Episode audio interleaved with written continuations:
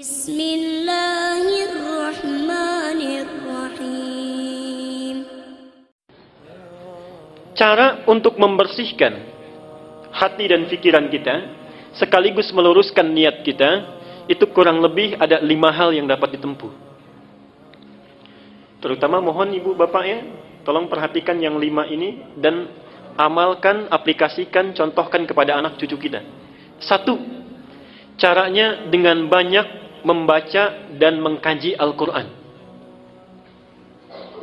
Di antara fungsi membaca dan memahami bacaan Quran itu adalah salah satunya membersihkan penyakit-penyakit yang ada di dalam jiwa kita. Ada dua jenis penawar. Satu, penawar obat fisik dikenal dengan dawa. Penyakitnya daun, obatnya dawa.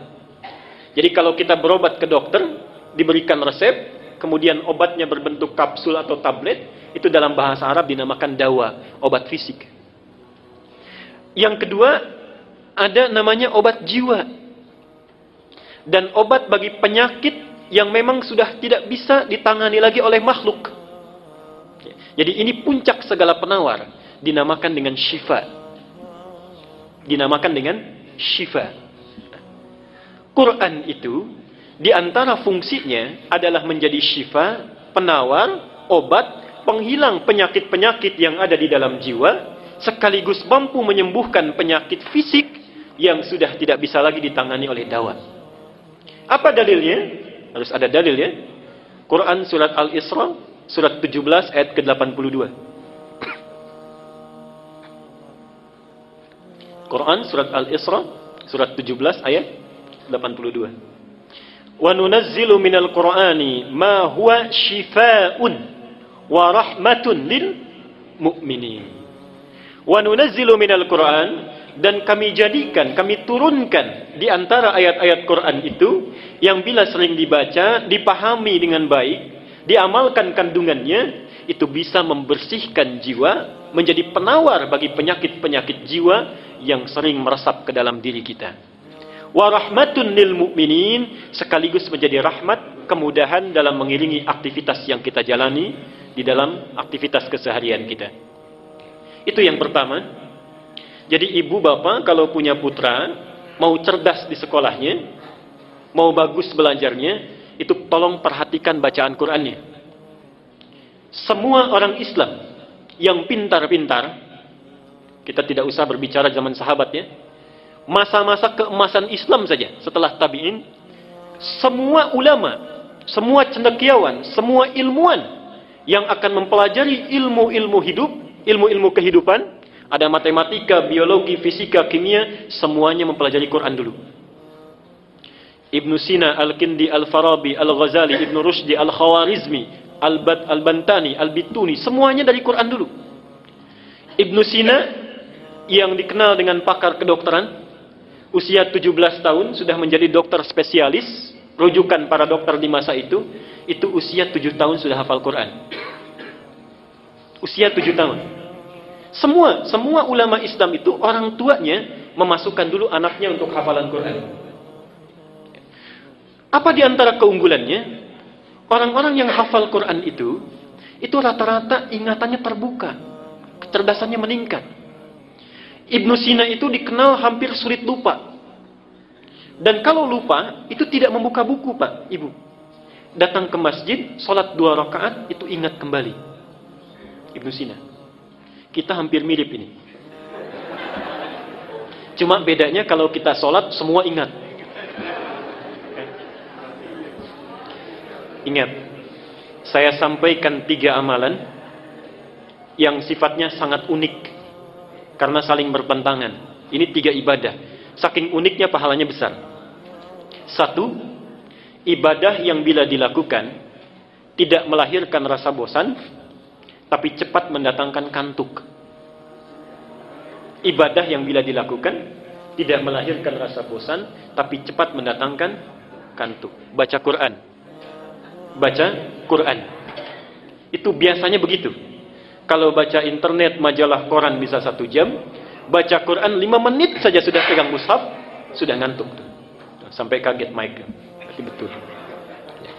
Yang kedua, kan tidak ada sampai sekarang orang bilang saya bosan baca Fatihah, gitu ya. Pasti terus. Tapi baik dibaca dalam sholat ataupun biasa itu cepat ngantuk. Yang kedua, satu amalan yang dilakukan saat bersamaan mengingat sesuatu yang lupa sekaligus melupakan sesuatu yang diingat. Ingat sesuatu yang lupa sekaligus melupakan sesuatu yang diingat. Sholat. Saat kita bertakbir itu, seharusnya kita kan ingat ya, ini rakaat pertama, kedua, tapi bisa lupa. Dan saat yang bersamaan bisa mengingat sesuatu yang lupa. Kunci ditaruh di mana ingat. Kan? Buku hilang di mana ingat. Arisan tanggal berapa belum dapat ingat juga semua masuk. Ya. Dan yang ketiga, amalan ibadah yang semuanya bagus, yang bila dilakukan, merekatkan sesuatu yang renggang, sekaligus merenggangkan sesuatu yang rekat. Ini. Merekatkan sesuatu yang renggang, sekaligus merenggangkan sesuatu yang rekat. Nikah. Nikah itu ibadah yang dilakukan, bisa merekatkan sesuatu yang renggang, ini tidak kenal dengan si A, setelah dinikahi menjadi saudara mahram bil musaharah. Saking dekatnya disebut persaudaraan ini mahram. Artinya anak yang tadinya belum bisa melihat aurat ibunya yang tidak pakai kerudung, sekarang boleh melihat ibunya rambutnya tanpa hijab. Mahram bil musaharah. Saking dekatnya. Tapi saat yang bersamaan, merenggangkan sesuatu yang rekat. Coba lihat. Ada anak perempuan dikandung, berat ibunya mengandung, dilahirkan berjuang hidup dan mati, diasuh, nakal, menanggung malu, dibawa ke pesta mempermalukan, dibawa ke masjid main-main, itu kan? Setelah dewasa, tumbuh cantik, belum genap, belum sempat dipetik buahnya, sudah dibawa oleh orang lain yang baru dikenalnya. Anak laki-laki, perawatannya sama, walau tidak kalah repot. Setelah dewasa, tumbuh, dapat gaji, belum sempat diberikan pada ibunya, sudah harus diberikan kepada orang yang baru dikenalnya. Renggang. Ya. Karena itulah hati-hati, tidak ada mantan ayah dan ibu, dan kata Nabi, celaka, celaka, bu'dan liman adraka abawahil kibar falam yudkhilal jannah. Celaka orang yang masih hidup bersama orang tuanya, sudah sepuh, tapi tidak mampu memasukkannya ke dalam surga. Yang kedua adalah memperbanyak sholat malam memperbanyak sholat malam, rajin, tahajud. Itu untuk membersihkan jiwa dan pikiran kita. Dalilnya surat Al-Muzammil ayat ke-6. Inna nashi'atal laili hiya ashaddu wat'aw wa aqwa mukila. Sungguh bangun malam itu, sholat malam itu, itu lebih cepat menyentuh kepada jiwa. Di antaranya bisa membersihkan diri diri kita. Saya cepat saja. Al-Muzammil ayat ke-6. Yang ketiga, banyak melakukan puasa. Banyak melakukan puasa. Di antara fungsi puasa itu memperbaiki perilaku yang tidak baik dan membersihkan penyakit jiwa yang buruk. Mana dalilnya? Sahih Al-Bukhari nomor hadis 1869. Sahih Al-Bukhari Al-Bukhari nomor hadis 1860 Kullu.